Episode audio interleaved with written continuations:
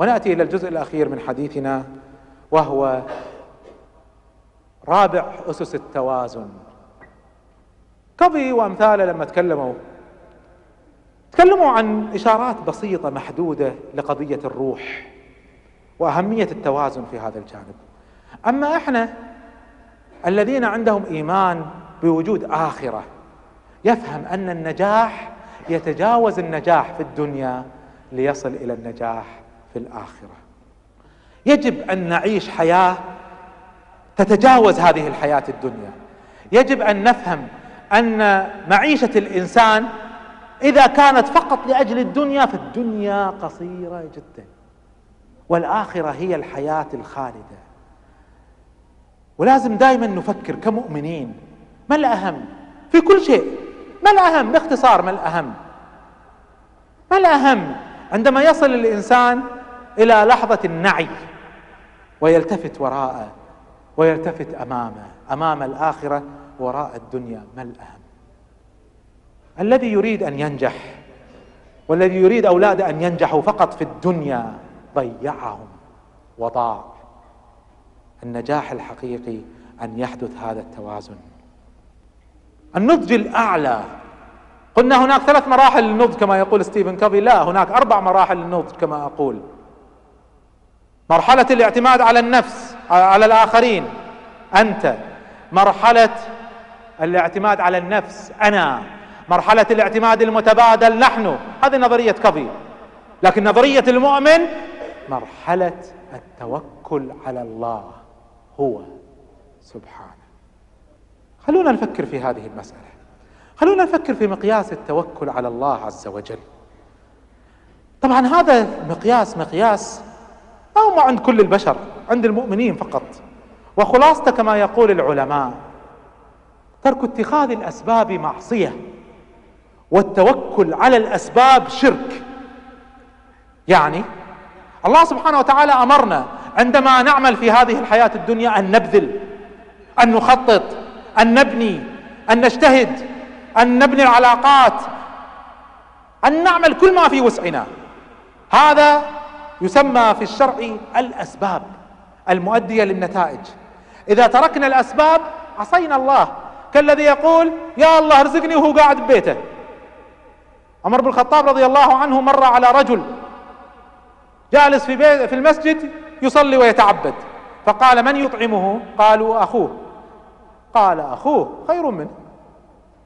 ونزل على رأسه وقال قم يا رجل فاعمل فإن السماء لا تمطر ذهبا ولا فضة. لازم نعمل. لكن في نفس الوقت الذي فيه نعمل لازم نتوكل على الله. وخلونا أذكر لكم قصة شوية ضحككم فيها لكن في نفس الوقت تاصل هالمعنى. يقولون كان في واحد دائما مع أصحابه اصحابا بالغين في معنى التوكل. فيقولون أن القوة الحقيقية تنطلق من الإيمان من إيمان الإنسان واعتماده على القوي العزيز. وأن الإنسان ما في داعي أصلا يعمل. لأن الرزق سيأتيك والنتائج ستأتيك عملت ولا ما عملت؟ وهو يرد عليهم ويقول لهم يا جماعة بس لازم الإنسان يسوي شيء. قالوا لا لا لا. إذا الله سبحانه وتعالى يبي شيء راح يصير. قال لهم بس لازم نسوي شيء. فاختلف معاهم. فقال أنا والله بشوف هذه المسألة صح ولا غلط؟ فراح المسجد وطلب من فراش المسجد يلفه بحصير. ويحطه بزاوية المسجد. وهو يشوف بس من طرف الحصير. يقول بشوف أنا بقعد بشوف الرزق يجيني ولا لا؟ وقعد على هالحال. لما صار المغرب كان عادة هالمسجد في ناس أهل خير من شرواكم. فجابوا الأكل. تجار المنطقة يجيبون الأكل يوكلون الفقراء. وهو جايع ويشوف الأكل محطوط بس الأكل ما جاله. فقعد ساكت. كلوا الجماعة شالوا الأكل ما جاله الرزق اليوم الثاني نفس الشيء حطوا الأكل وشالوا الأكل وهو طالع وما جاء الرزق في اليوم الثالث جاء واحد من التجار جايب سفرة كاملة. حطها ولا ما في أحد جاي ياكل على السفرة؟ فسأل الفراش قال له يا أخوي وين الفقراء اليوم؟ قال الفقراء اليوم سمعوا إن في عزيمة مسجد ثاني رايحين هناك. قال له تدري شلون؟ شيل شيل خل نروح لهم هناك. هذا صاحبنا ثلاثة أيام ما اكله كان يقول فهذا اسمعه قال شو الصوت قرب قال فتش فتش افتح افتح. فتحوا الحصير ولا فيه؟ فشافه. قال له أنت جوعان. قال له إيه. قال له قوم أكل. قام هجم على الاكل ميت جوع قال إيش سالفتك أنت؟ قال قلت لهم قلت لهم. قال إيش قلت لهم؟ قال قلت لهم لازم نسوي شيء حتى لو أهم أهم. لازم نسوي شيء لازم نبذل جهد. يمكن جهدنا ما يساوي اهم لكن لازم نسوي شيء. موسى عليه السلام لما ضرب البحر بعصاه وانفلق البحر. هي العصا فلقت البحر؟ الله سبحانه وتعالى فلق البحر. زين ليش لازم يضرب العصا؟ كان البحر انفلق بدون ضربة عصا. لكن لازم نعمل شيء. لازم نبذل جهد. لكن في نفس الوقت الذي نبذل فيه هذا الجهد نتوكل على القوي العزيز سبحانه. وهناك معاني إضافية ما يذكرها كظي ولا أمثاله لكن إحنا كمؤمنين نؤمن بها. أن الإنسان اللي نيته صادقة مخلص مع الله سبحانه وتعالى الله يوفقه. يعني شنو الله يوفقه؟ يعني بدل ما يمر بعشرين طريق حتى يعرف الطريق الصح ويجرب ويخطئ ويجرب ويخطئ الله سبحانه وتعالى يهديه للصح من أول مرة. وهناك معنى آخر معنى البركة أن الإنسان يبذل بذرة صغيرة ما يشوف إلا ثمار كبيرة. هذه معنى بركة. هذه معاني للمؤمنين يؤمنون فيها. التفكر والتأمل هو الأساس في تعديل النفس وتعديل العلاقات. لكن التفكر والتأمل هو الذي يعطيك الهمة يعطيك الطاقة. ما في شيء ما في شيء يعطي الإنسان قوة على مواجهة الحياة ومشاكلها ومصاعبها. ما في شيء مثل لحظات التفكر والتأمل. الذين يذكرون الله قياما وقعودا وعلى جنوبهم ويتفكرون في خلق السماوات والأرض. ربنا ما خلقت هذا باطلا. ابدا. هذه قوة تكون في داخل الإنسان. مهما صابته مصائب ومشاكل يستطيع أن يتجاوزها. مارس أدوارك في الحياة. التزم بنية صادقة. أدي واجبك الشرعي في كل علاقاتك. اربط في كل أعمالك بين عملك ومعايير الحلال والحرام. لا تفعل حراما باسم الكسب فكسب مؤقت. حتى لو كسبك في الدنيا راح يخسرك بالآخرة. الإحساس بالرضا. لا يأتي إلا من الإيمان وتقبل الهزيمة. شبابنا أطفالنا اللي خلال الحديث سألناهم في المدرسة وقلنا لهم سجلوا كلامهم. كلامهم ما تدخلنا إحنا. أكثرهم كان كلامهم النجاح أن أحاول وأحاول وأحاول. هذا صحيح. النجاح أن الإنسان يستمر يحاول. لا يفشل الإنسان ما دام يحاول. متى يفشل؟ عندما ييأس. عندها يكون الفشل. الخلاصة خلاصة طريق النجاح. خلونا نفكر شوية بكلمات أختم بها هذا الحديث. ما هي السذاجة؟ يقول أينشتاين السذاجة أن نعمل نفس الأمور بنفس الطريقة ثم نتوقع نتائجا مختلفة. فكروا معي بهالكلام مرة ثانية. السذاجة.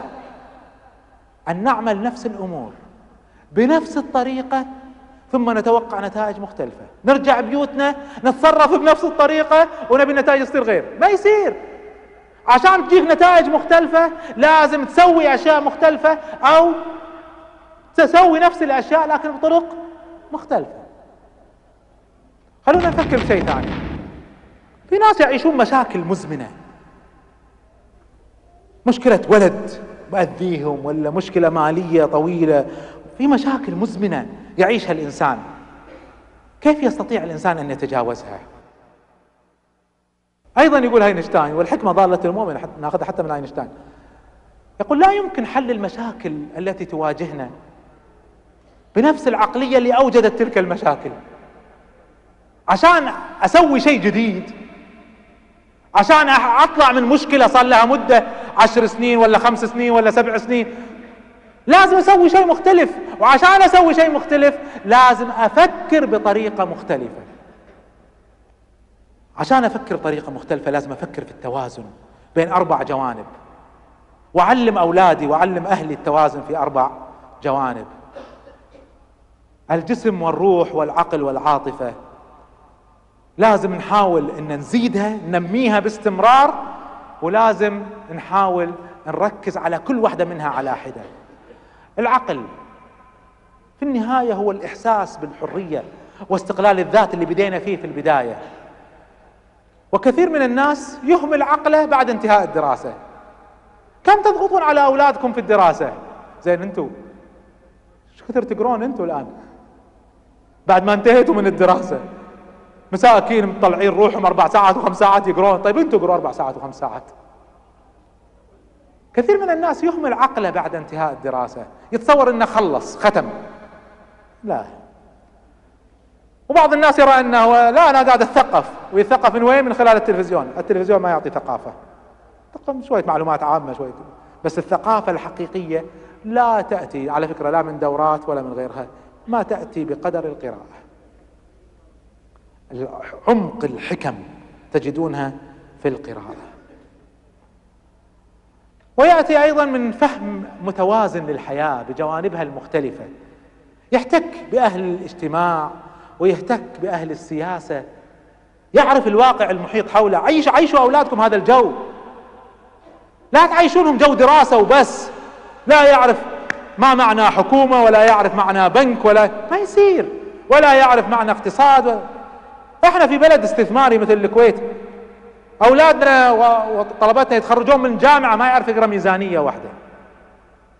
أي خلل في المعيشه هذه. وبعدين بيدخل البورصة. أذكر إني كنت مع شاب خسر خسارة ما هي عادية في البورصة. وشاب صاحبي صغير السن. تخرج من الجامعة واشتغل في البورصة وحاشته المناخ. فسألته قلت له فلان شو اللي ورطك قال والله يا أبو محمد دخلنا البورصة. ويقولون لنا شركة محاصة. ما أدري شنو شركة محاصة وداخل وياهم. ما في أساسيات لفهم الحياة. كيف راح ينجح في الحياة؟ ما يعرف من الحياة إلا فيزياء وكيمياء وعلوم وجغرافيا. ما يصير. ما يكون نجاح بهذه الطريقة. طبعا هذا الخلل الأساسي على مناهج التربية والتعليم كلها نسف هذه تحتاج إلى تعديل جذري. لأن قاعد تطلع لنا ناس علوم أكاديمية لكن فهم ضحي ضحل جدا في الحياة. ما يصير ما يصير. إذا ما قاموا بهذا الدور علينا إحنا نقوم بهذا الدور.